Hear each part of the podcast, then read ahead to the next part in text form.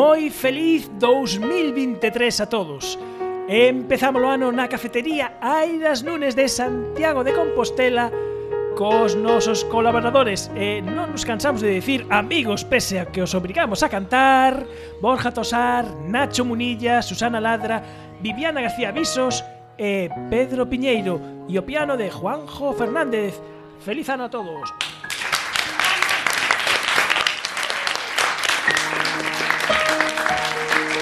para ser feliz abonda con ter boa saúde e mala memoria. Isto é de Ingrid Bergman. Levamos oito horas e uns poucos minutos de 2023 e queremos seguir a repasar o que deu de sí o 2022 no ámbito da ciencia. Porque hai moita ciencia para contar, para comentar, para debullar. Nos queremos que sexades felices con saúde, pero tamén con boa memoria. Neste programa especial seguiremos a comentar a mellor ciencia do ano segundo as escolmas de Science e Nature. Benvidos a Efervesciencia. Hai outros mundos, pero sí, sí, sí, están neste. Efervesciencia. Patrocinado pola FECIC, Fundación Española para a Ciencia e a Tecnoloxía, Ministerio de Ciencia e Innovación, unha colaboración da Universidade de Santiago e a Radio Galega. O apoio da Axencia Galega de Innovación da Xunta de Galicia.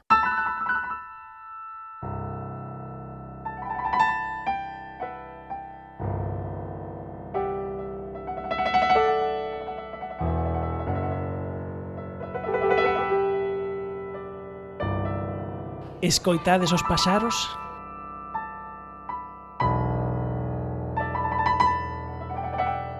Chiando.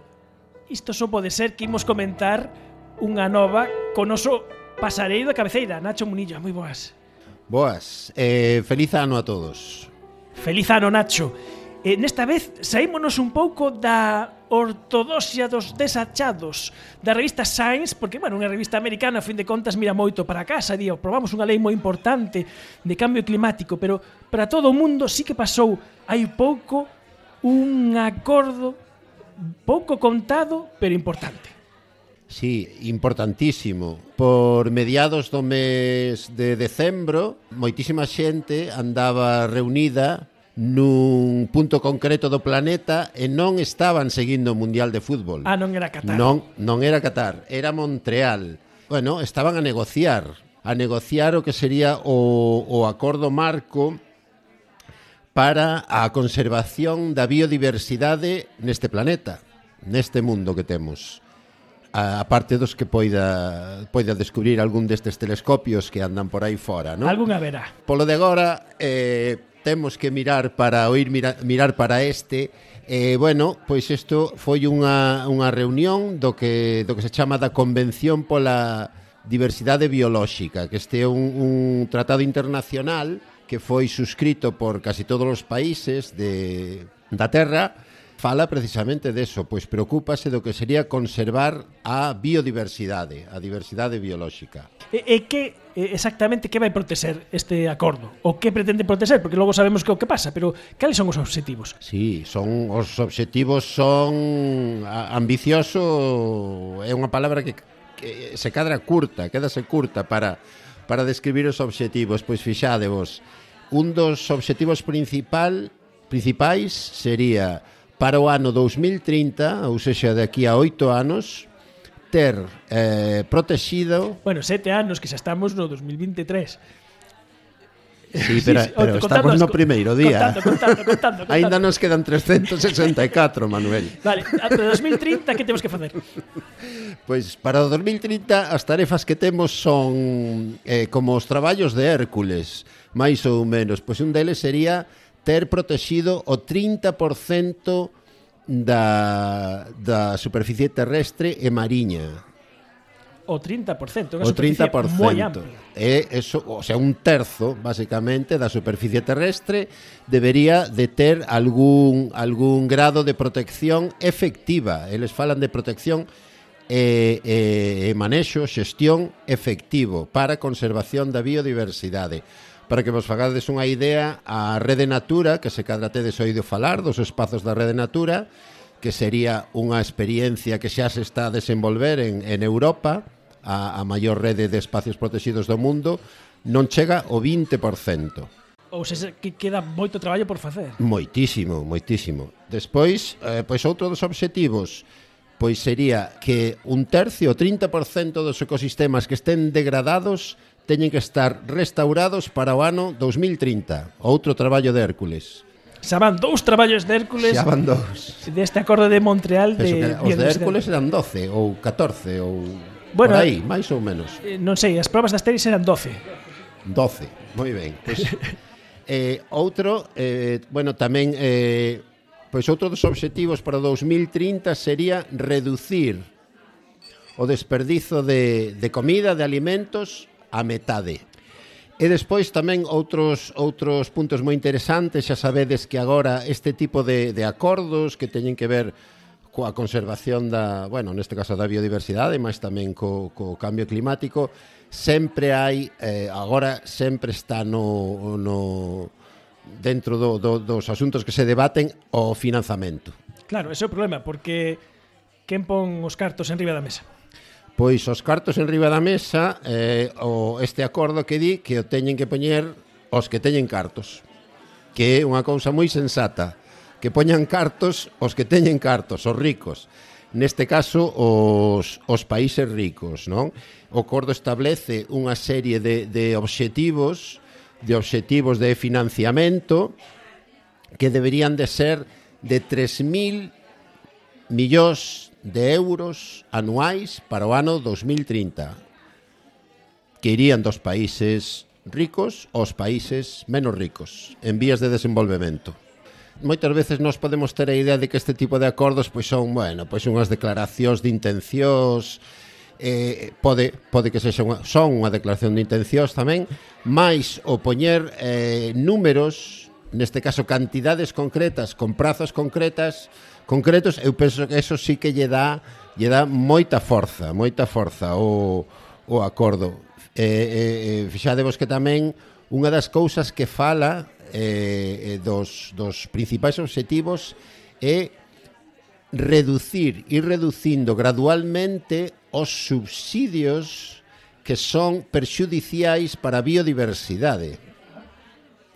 No ano 2030, os subsidios, as axudas, a actividades que están a perxudicar a biodiversidade, pois deberían de estar reducidas a metade. Outro traballo de Hércules. Pois xa son eses catro traballos de Hércules que se aprobaron mentras a ollada do mundo estaba posta no, en Qatar, no Mundial, na final un día despois aprobouse en Montreal eh, esta convención que inicialmente tiñase que ter celebrado en China, era China quen dirixía eh, este, este encontro, celebrouse no Canadá, con estes obxectivos ambiciosos de cara á biodiversidade. E ben, ben merecen cantar unha repichoca, porque hai que dicilo así. A ciencia avanza unha barbaridade.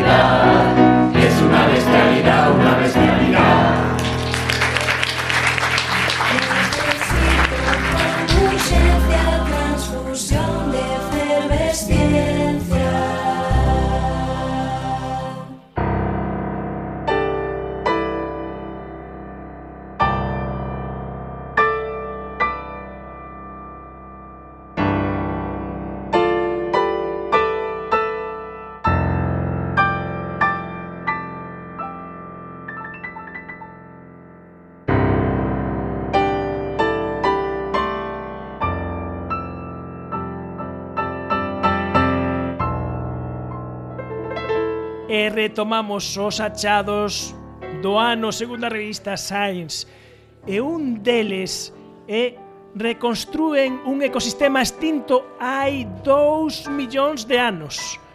Semella parque xurásico, pero non o é ou si.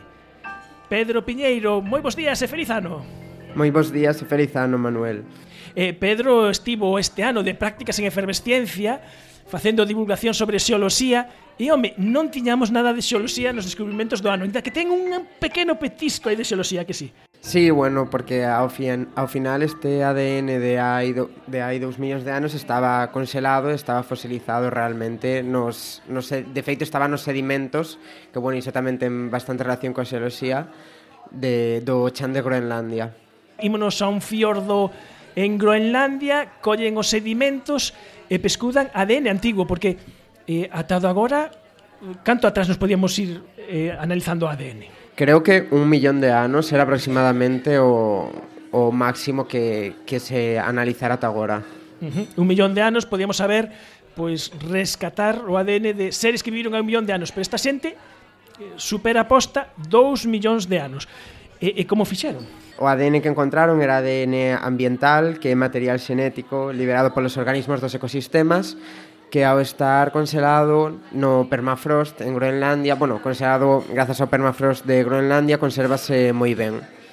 Ajá, ou seja, que o puxeron na neveira e foi así como conservaron eh, na neveira no permafrost que os, son os chans congelados, non? Sí, nos, nos sedimentos, o ADN atopábase nos sedimentos, entón fosilizou, en plan, congelouse e chegou ata, ata agora ata a actualidade.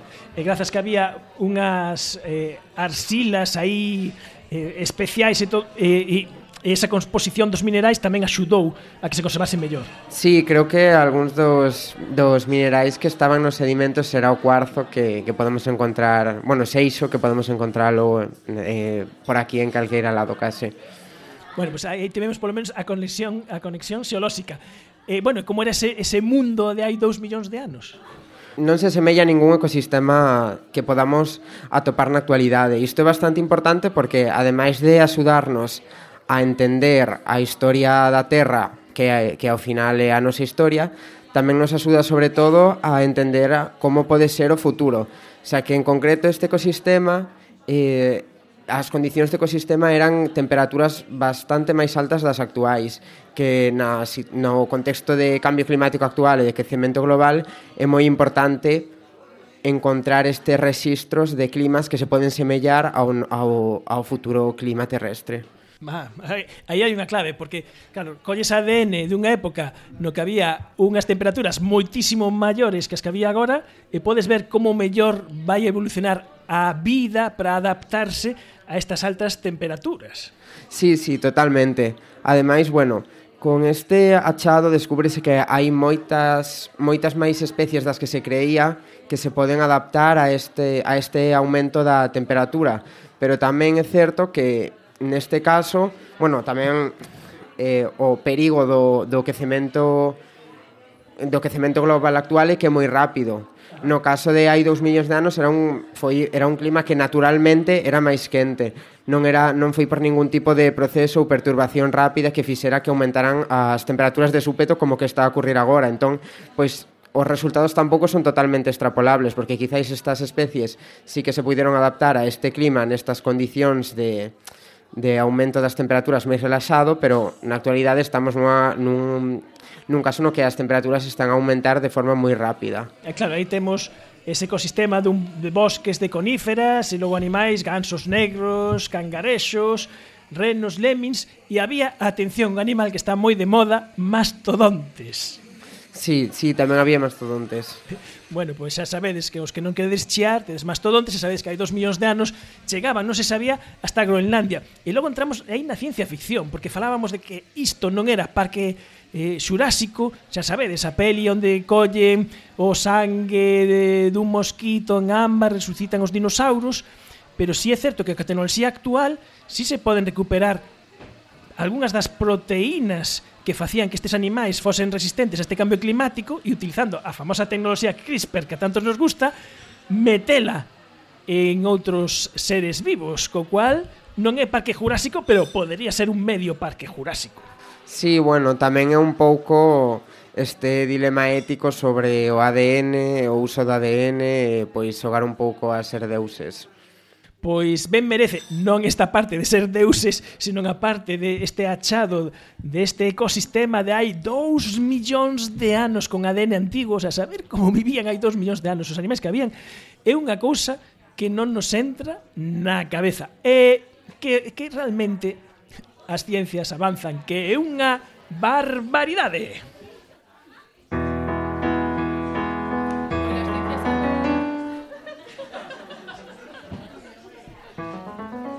Give me the tongue.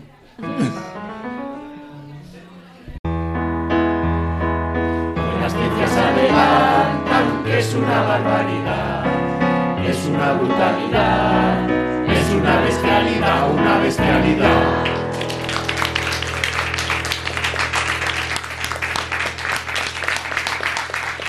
A ciencia na Radio Galega.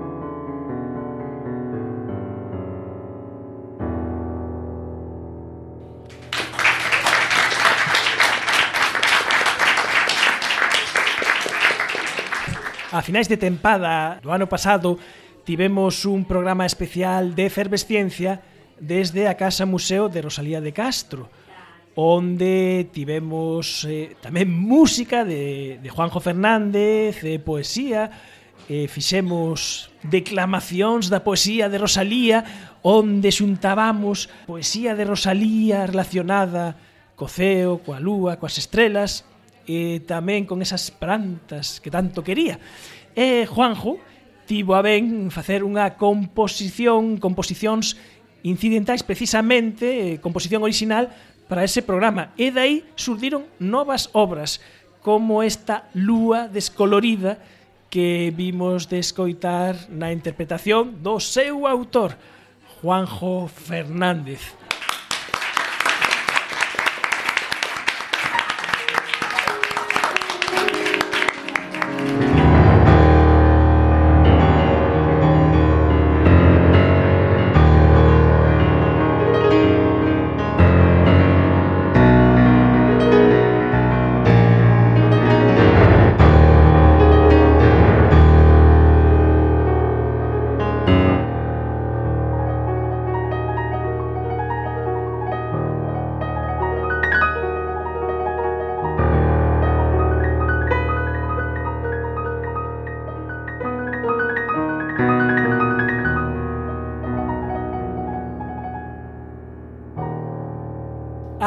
algo así debeu de pasar. Cando Didimos colisionou contra Dimorfos no espazo. Borja Tosar, moi feliz ano 2023, que tal? Moi feliz ano, Manuel Vicente. Impactante, Juanjo, eh? Impactante. impactante. Impactante esta entrada musical de Juanjo Fernández e impactante o que fixemos agora a humanidade de empezar a xogar o billar no espazo cos asteroides.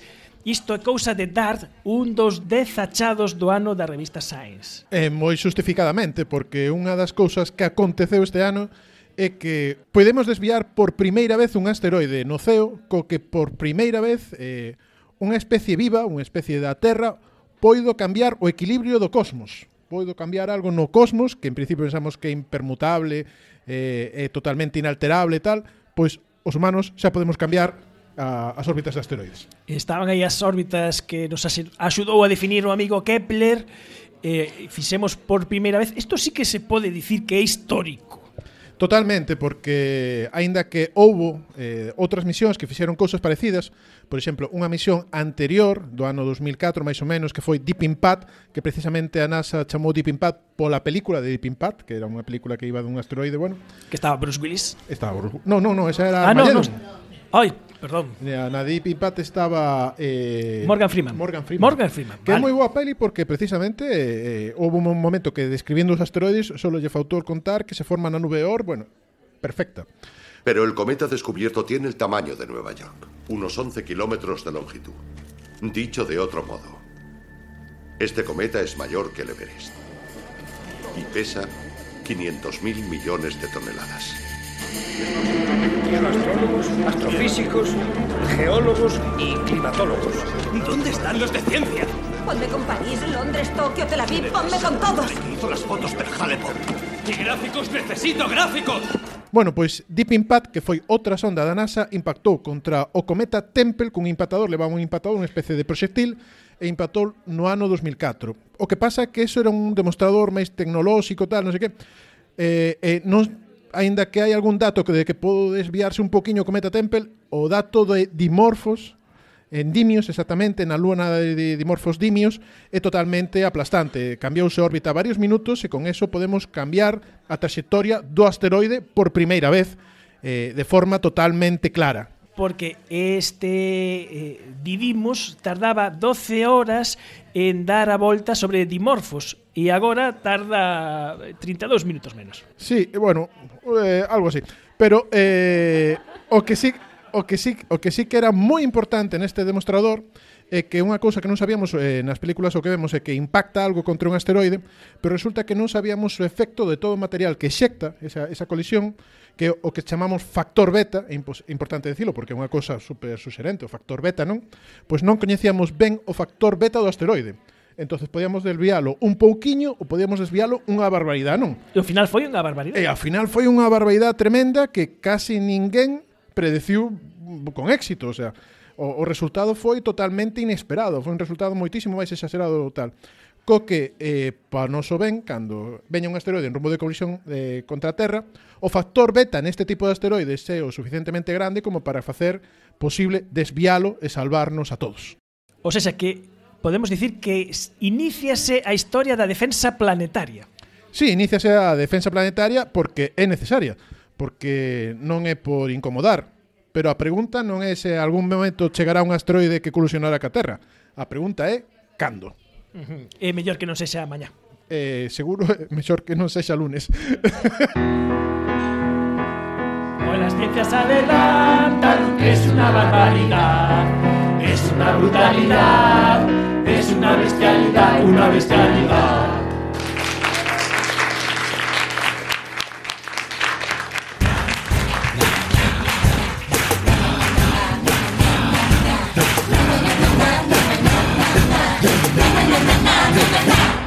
Necesito con urgencia transfusión de efervescencia.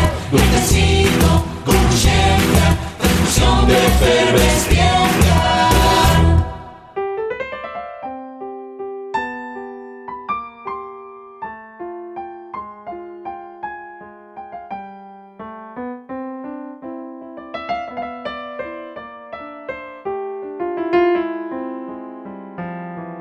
ano que deixamos atrás tamén tivo máis boas novas científicas de avances que melloran a saúde da sociedade.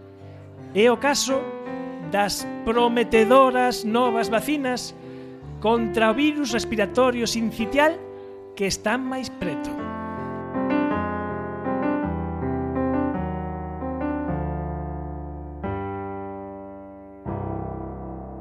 E para saber destas novas vacinas, imos falar co xefe de pediatría do Hospital Clínico de Santiago, Federico Martinón. Federico, moi bons días e feliz ano. Feliz ano, moi ben. Eh, día revista Sainz que hai unha boa nova de que están en fase final, moi avanzadas, casi chegando á meta final, vacinas contra o virus respiratorio sincitial. Este é un virus que os pediatras ben o coñecedes. Sí, a verdade é que sí, non é nada novo, é a nosa COVID de todos os anos, pero agora pois púsose máis de releve, está nos medios e todo o mundo está a entender a importancia que este virus ten nos rapaces, de feito é a causa máis frecuente de hospitalización nos, nos lactantes, non? é unha cousa que os, os pediatras coñecemos de sempre, pero que ademais non é un problema só dos rapaces, sino que tamén é outro dos virus que afecta aos adultos e particularmente precisamente os mesmos adultos de idade avanzada ou con patoloxía no pulmón, etc., os que fai dano a gripe, o COVID ou o neumococo. Non? É un dos catro grandes patóxenos do adulto e o principal dos lactantes. E que este agora eh, nos medios eh, este virus respiratorio eh, ten, ten que ver porque vimos dunhas circunstancias excepcionais dos, dos últimos dous anos eh, que agora que quitamos as máscaras e todo isto, pois agora estamos volvendo ás situacións que tiñamos antes, non? Bueno, é máis complexo que eso, non é só unha cuestión das máscaras, non? Como dicía fai un intre, eh, o virus respiratorio sincitial é o noso cabalo de batalla todos os anos, non é nada novo, non?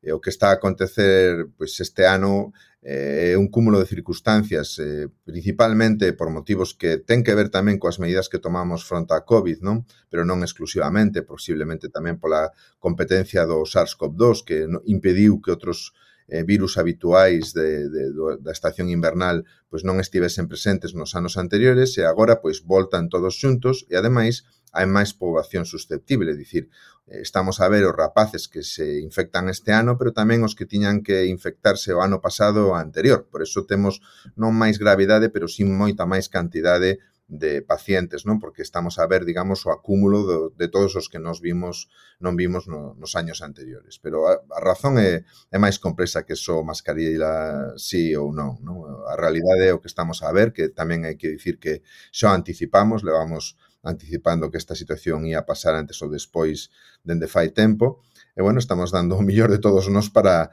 polo menos, para capear este temporal. ¿no? O que tamén chama a atención, lendo a noticia eh, de Sainz, é eh, que eh, sai décadas antes intentouse facer unhas vacinas contra, contra este virus respiratorio sincitial eh, canceláronse radicalmente porque chegaron a, a, a poñer en perigo os participantes no estudo. Sí, bueno, isto mm, é unha lección importante que nos lembra que non é tan doado atopar unha vacina frente a calquera enfermidade, non? E recórdanos a sorte que tivemos recentemente coa COVID, non? E no éxito de desenrolar vacinas nun tempo récord e vacinas que funcionasen, porque hai outras enfermidades moi importantes nas que levamos loitando moitísimos anos sen éxito atado agora, non? É certo que pois hai un antecedente anos atrás, non, de que unha das vacinas que se tentou desenrolar, non? Pois nas fases finais demostrou non só que non era útil, sino que de alguma maneira eh, enganaba o sistema inmundos, rapaces que a recibían e poñíanos en un risco incluso maior que non estando vacinados. Pero para eso se fan os ensaios clínicos, non? Precisamente para coas máximas exixencias, pois eh, detectar, eh, confirmar se as vacinas son seguras e funcionan para o obxectivo que son desenroladas, non? Pero si, sí, isto foi un un feito negativos, eh, podemos dicir no, no desenrolo de vacinas frente a esta enfermidade,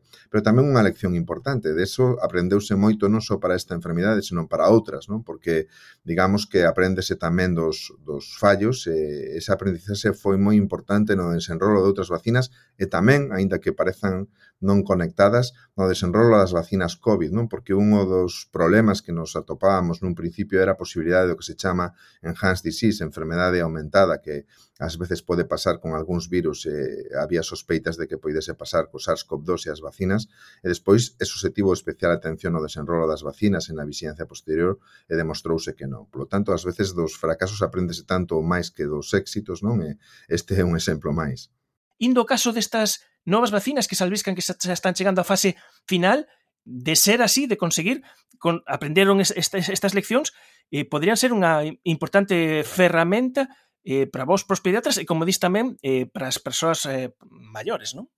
Sí, é unha revolución, non? Nos no noso grupo levamos traballando moitos anos nesta infección e participamos en pois máis de eu podería che dicir máis de 15 candidatos vacinais para adultos, mulleres embarazadas e, e recén nados, non? Co, co cal, pois chegar a este punto é unha grande noticia, non? Por un lado, eh, estánse desenrolando vacinas para os lactantes e xa aprobou a Xencia Europea unha vacina de anticorpos monoclonais que se administra aos recén nados eh, sans e que pode evitar máis do 80% das hospitalizacións fixe o que estou a dicir. Carai. Ahora mesmo, prácticamente os nosos hospitais están recheos de, de lactantes con esta infección e a meirande parte deles son lactantes sans, co cal se, se gose a partir de mañá poidese utilizar esta, esta vacina eh, eh, podería ter 80% menos de hospitalizacións, máis de un 80% menos de atencións no, na urxencias e o seu médico, pois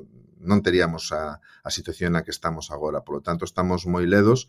Ese é o avance máis inminente porque xa é unha realidade, xa se aprobou pola Xencia Europea do Medicamento, xa completou o seu desenrolo clínico, publicamos os, os estudios pivotais no New England Journal of Medicine ao longo deste ano, eh, bueno, esperamos que a partir do ano que ven xa estea ah, disponible non e que as autoridades sanitarias o inclúan pronto dentro das medidas que podemos utilizar. Ademais disto, pois hai outras vacinas en desenrolo, outra moi cercana que esperamos que este eh, se aprobe ao longo do ano que ven é unha vacina que se administra as nais, coa idea mm, do mesmo que facemos co gripe ou que facemos coa tosferina, é dicir, vacinas a nai, a nai xenera as, as, a protección os anticorpos e transmite aos recén nado que durante uns meses está protegido gracias a esa protección que recibe a través da madre. Non? E despois, eh, tamén están en fase moi de, a, avanzada, non? Vacinas para os adultos, para as persoas de idade avanzada. De feito, hai catro vacinas que están en fase 3 eh, que están a acabar os seus, eh, os seus estudos. Nos participamos nalguna deles.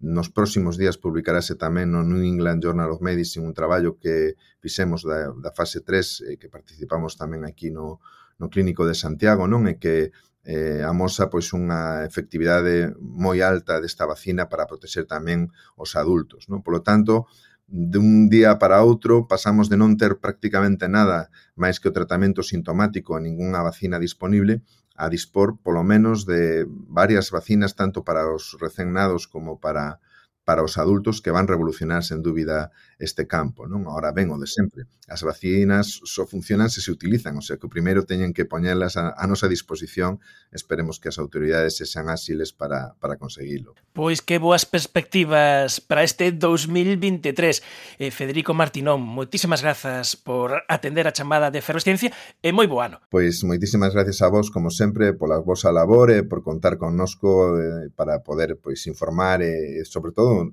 empezar o ano con, con unha boa noticia que creo que é para a saúde de todos. Gracias. Ferve, ferve, chocuro, ferve, ferve, chamante, boa, boa, e o Manuel Vicente.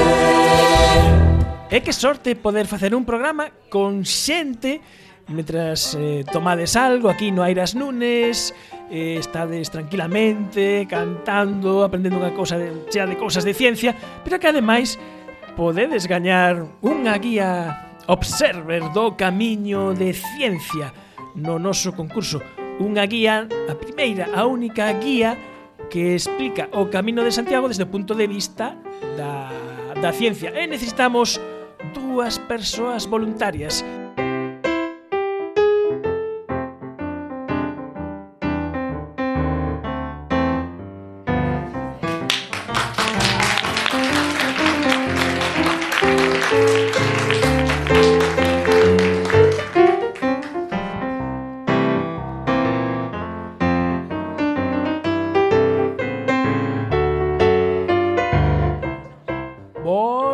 feliz ano, que tal? Ben, grazas. Como te chamas? Eh, Rubén.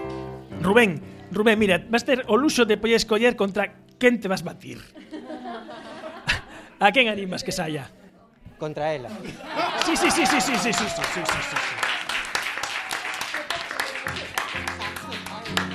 Hola. Hola, Felizano, como te chamas? Mónica. Mónica. Pareceme a mí que ides gañar sempre porque o que o libro ídelo levar a casa, non? Sí, temome que sí. Tedes que sí. Pero bueno, bueno, sempre está ben esa, esa rivalidade. Bueno, sí. Eh, tedes que coñer os vosos instrumentos de mm, como non non estivestes no programa que tivemos onte, eh, temos aquí en riba un timbre e unha campana. Tedelos que coller, por favor. Podes coller calquera, da igual, é indiferente. Vale, xa tedes. Bueno, pois pues Rubén e Mónica. A cuestión é ben sinxela. Vimos ver quen, quen o leva primeiro o, o libro e entón son preguntas test de A, B, C, tres respostas. Pero se hai unha resposta que vos xa sabedes, facedes eh, soar o voso instrumento, ben o timbre ou ben a campa. Entonces, colledes esa resposta e o outro participante ten que coller as que quedan lle quitades a oportunidade de responder ben. Se estades moi seguro, decídeo. Pero se non, non, porque o mellor lle dades esa oportunidade ao voso contrincante. Isto é máis fácil facelo que dicilo. De concurso. Bueno, pois seguimos coa primeira.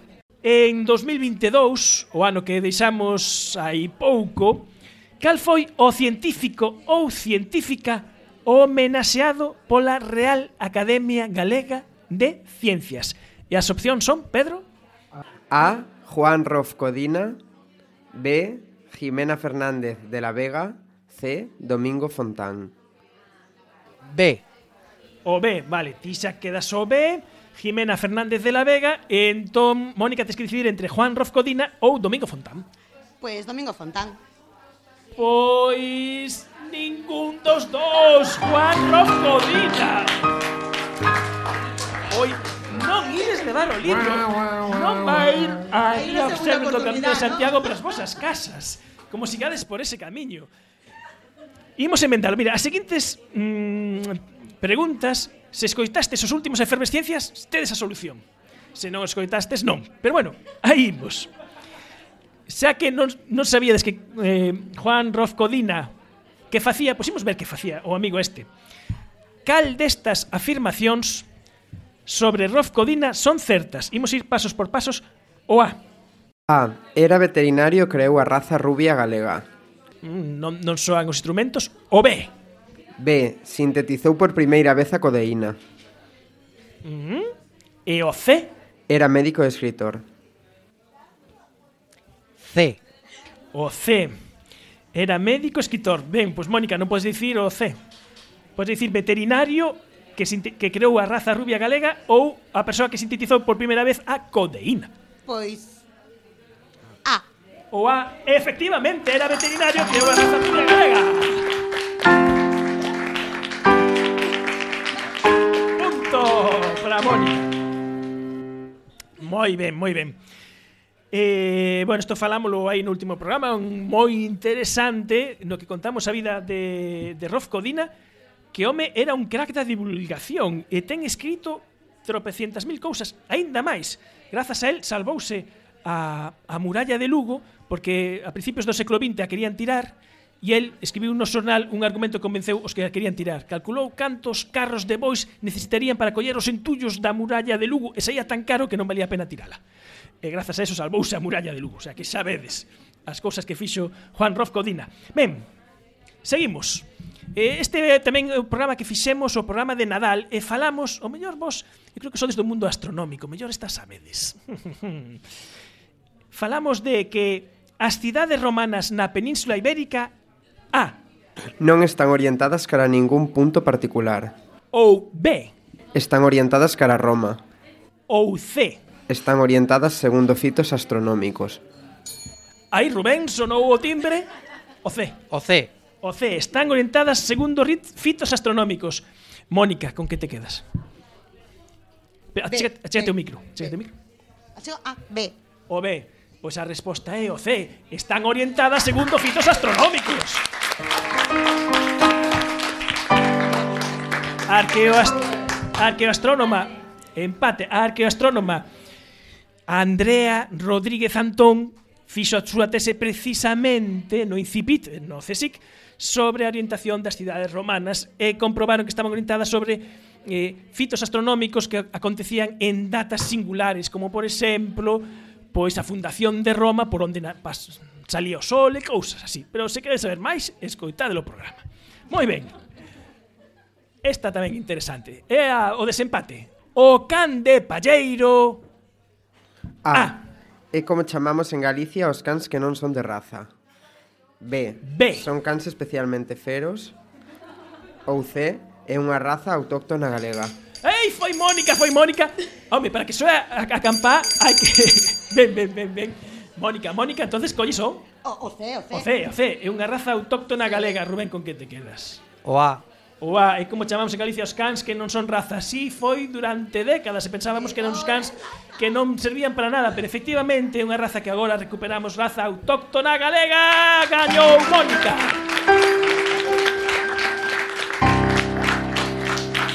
Bueno, Mónica, agora xa podes eh, Bueno, grazas por, por traer. Logo colledes os, os agasallos e, bueno, xa podedes facer o Camiño de Santiago eh, vendo pois a ciencia que hai en cada un dos sitios. Moitísimas gracias.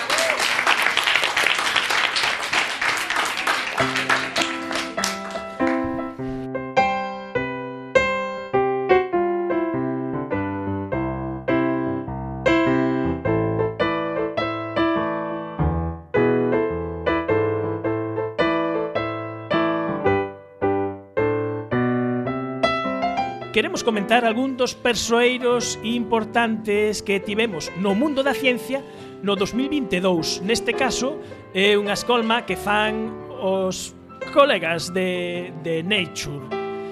Susana Ladra, eh, que personaxe che tocou? Bos días, Felizano. Felizano. E o meu personaxe é Alondra Nelson, que que é impulsora da ciencia aberta ao público. Ela é socióloga experta en temas de raza, etnia e ciencia. Eh, desde febreiro eh, eh, ten o cargo de directora da Oficina de Política Científica e Tecnolóxica de Estados Unidos despois de que o seu predecesor, cando era subdirectora, pois tivo que dimitir por, bueno, acusacións de intimidade, acoso laboral e cousas así non moi bonitas pero ela ten desenvolvido dúas iniciativas moi interesantes e de gran impacto. A primeira, relacionada con esta docencia aberta, que, que está a intentar este eh, defecto, defecto xa será eh, inminente que dentro duns cinco anos Eh, non, perdón, cinco anos no que xa estamos, eu xa non sei nin que ano vivo, eu parei no 2020. E, bueno, xa, está, xa estamos, estamos a 1 de xaneiro de 2023. Pois, pois desde finais de 2025 todos os a ciencia desenvolvida en Estados Unidos é financiada por eh, pros esencias federais ten que estar publicada en aberto desde o minuto 1, non como agora que poden tardar un ano en facerse pública a investigación, senón que xa no primeiro momento, no segundo cero, ten que estar disponible para todos os públicos. As revistas científicas non están moi contentas non, con todo non. isto. As editoriais en particular, pois a Asociación de de perdón. De empresarios das, das sí. revistas científicas. Sí, en xeral non están contentos. Hai algunha, algunha revista que di que, que, que, que está a traballar para conseguilo, pero bueno, co, coa boca pequena. Pero outra das eh, iniciativas moi interesantes eh, desenvolvidas pola súa oficina eh, foi que eh, publicouse en outubro deste ano a como un anteproxecto da Carta de Dereitos de Inteligencia Artificial, eh, unha visión, segundo din, para protexer os dereitos civis na era algorítmica, para axudar a orientar o desenvolvemento e desempregamento do, da inteligencia artificial e outros sistemas automatizados, de modo que protexan os dereitos dos cidadáns estadounidenses. Aquí saímos avanzados porque temos en Coruña eh, ah, a, Asencia, de, a, a, a, Asencia, Estatal, Estatal de Supervisión da Inteligencia Artificial. Entón, bueno, pois pues nos adiantámonos tamén a estas cousas. Eh, e amiga Alondra, eh, tamén eh, é unha activista eh, polo respeto á, a, a diversidade, non? Sí, de feito, eh, bueno, ela eh, elabrou a súa reputación sondando as implicacións sociais e raciais da ciencia e tecnoloxía e para moitos científicos sociais o seu nomeamento por parte do presidente Biden foi unha sinal de que a presidencia en xeral, a goberno está disposto a cumprir coa súa promesa electoral de abordar os temas de racismo e da desigualdade. Uh -huh bueno, pois pues, esta señora que non coñecíamos, Alondra Nelson, eh, dúas voces eh, eh, novas. A ver, Nacho Munilla, como se pronuncian os, as túas? Es Vitriana Krakowsk? Eu son lector de, de, de Chekhov e de, de, mm, de Tolstoy, pero non sabería decir, eh? non sabería decir. Eh, Svetlana Krakowska que é unha científica eh, ambientalista, especialista en eh, bueno, ela traballa sobre todo en proxeccións de cambio climático. Ela traballa con modelos eh, climáticos que intentan predecir como vai ser o como van ser as condicións climáticas da Terra a escalas máis ben pequenas e eh, eh, espaciais pequenas, que iso é moi complicado eh, no futuro Eh, bueno, esta muller estaba mm, eh, asistindo a unha reunión por, bueno, por un, unha conferencia con outros, unha reunión do que sería do panel polo cambio internacional polo cambio climático. Estaba asistindo a unha reunión, ela estaba en Kiev por videoconferencia, en ese momento, pois, eh, sentíronse pois detonacións, eh, estaba o a cidade estaba sendo sendo atacada Entón ela nese momento de, de estando no, no medio, o que conta ela que estaba no medio nesta reunión sentiuse ela é unha persona que se define como moi tímida e sentiuse que, como que tiña, o sea, que, que que tiña que, que, que decir algo, tiña que, que, que dar un paso adiante para denunciar o que estaba o que estaba a acontecer, non? Nese, nese momento definiu a, a invasión a invasión de Ucrania como unha guerra dos combustibles fósiles. Ela o que dixo, o que ven dicindo, é que hai unha conexión directa entre a dependencia que temos a humanidade dos combustibles fósiles e esta guerra de, de invasión de Ucrania. E o segundo eh, protagonista eh, ten moito que ver co que falamos ao principio do programa, un revolucionario do cambio climático. E dixo que digas ti o nome. Eh, a ver, no, no, no persoeiro anterior aínda eu podía quedar ben pois dicindo un par de autores en lingua rusa, neste caso, vou ler literalmente Salemul Huk é de Bangladesh. E teño que admitir que non coñezo a ningún autor de Bangladesh. Ben, E que fixo o amigo Salemul? Pois, pois este home um, este home definido eso como un revolucionario do cambio climático pois tamén é, é unha persoa que eh, actualmente traballa como director do Centro Internacional para o Cambio Climático e o Desenvolvemento de, de Dhaka, da capital de, de Bangladesh.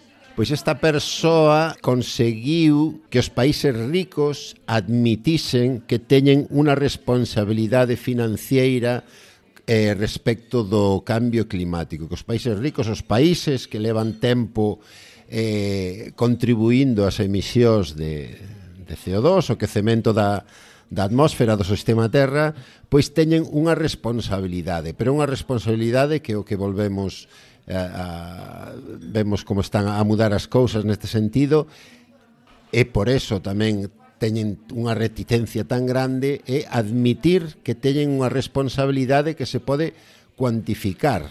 Entón, eh, este home pois é un dos ten, bueno, é moi interesante porque foi unha das primeiras persoas en mm, plantear o que sería estes principios, o principio que agora chaman de loss and, eh, and damage, que sería eh, que vendo que contamina paga o que sería o, o principio de, de, de, de danos e perxuizos, se cadra podería ser unha traducción, non? Ou de danos e perdas, eso, que que o, o que o carbono que botamos á atmósfera que votamos aos países ricos que non ten fronteiras que non ten fronteiras, claro que non, o, o atmósfera é un sistema aberto, super aberto, entón hai unha responsabilidade, é unha responsabilidade financiera, económica. Ese é un, un dos unha, unha das persoas que lle deu forma a este concepto é que foi capaz de que de que nas, na, de que os, os países que están que teñen esa débeda respecto do resto o admitisen. Efervesciencia. desgraciada, tu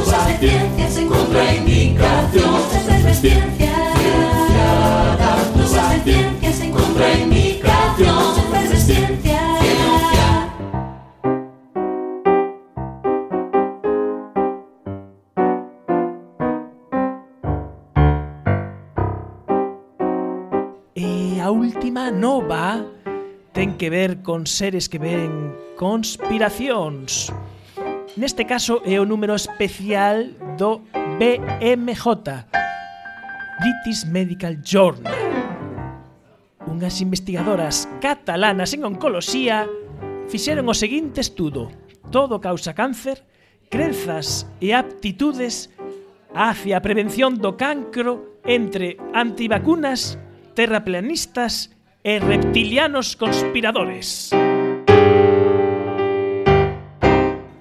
Pois sí, sí, sí, fixeron un estudo con de enquisas e logo con moita estatística co obxecto de eh, evaluar unha mostra non probabilística as crenzas e actitudes cara a prevención do cancro en persoas que profesan escepticismo vacinal ou teorías conspirativas. E onde buscaron os datos? A onde foron? A Foro Coches.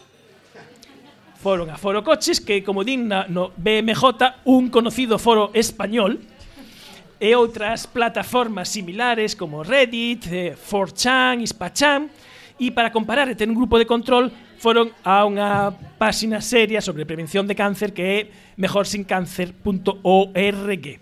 Colleron a 1494 participantes, dos cales mirade que público, 209 non estaban vacinados contra COVID, 112 preferían a medicina alternativa en lugar da convencional e atención o dato, 62 informaron de crenzas sobre a Terra plana ou os reptiles.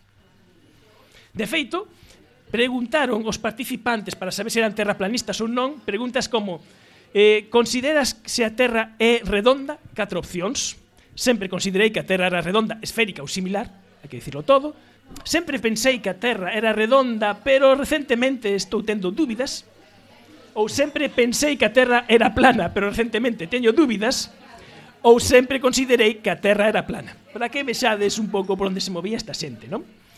E entón, pois, incluíron preguntas tamén para evaluar as crenzas de conspiración dos réptiles, mm, utilizando afirmacións como hai moitos lagartos que, que cambian de forma e toman formas humanas e se convirten en humanoides reptilians. E os presidentes da maioría dos países son humanoides reptilians. Sí, esta era o, isto era o, o, a xente que pensa estas cousas a que contestou querían saber se a xente que pensa estas cousas que pensa de cuestións de saúde como calé a orixe do cancro. E entón, pois o que atoparon é que aparecían as chamadas causas míticas do cancro, non? Causas non avaladas coa ciencia como comer alimentos con aditivos edulcorantes o sentirse estresado ou comer alimentos transxénicos. Pero a que atoparon, atoparon dúas cousas. A primeira é curiosa que a mitade dos participantes, tanto conspiranoicos como non conspiranoicos, coincidiron en que a frase parece que todo a cáncer que é verdade. O cal é unha bastante exageración e non vivimos un mundo que é así. Pero logo foron máis alá. E o que viron é que as persoas que crían en conspiracións ou que rechazaban a vacina do COVID-19 ou que preferían a medicina alternativa tiñan moitas máis posibilidades de respaldar estas causas míticas non científicas sobre a orixe do, do cancro. E o que ao final apuntan as autoras, que son unhas investigadoras catalanas en oncoloxía, é que estes resultados suxiren que existe unha conexión directa entre a desinformación que temos neste mundo digital e logo as decisións que tomamos sobre saúde os cidadáns, que poden ser decisións erróneas e que poden representar pois un problema, un problema de saúde, non? Parece ser que estes es, packs conspiranoicos o que veñe un pouco a demostrar que van un pouco en pack. E con isto rematamos.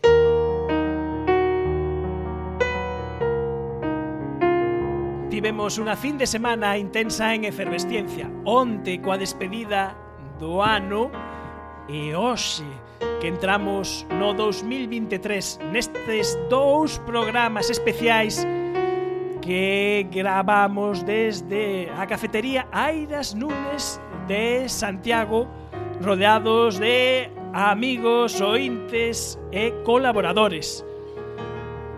Só me queda despedir a todos os nosos colaboradores Nacho Munilla, moi bons días, moi feliz ano. Feliz ano.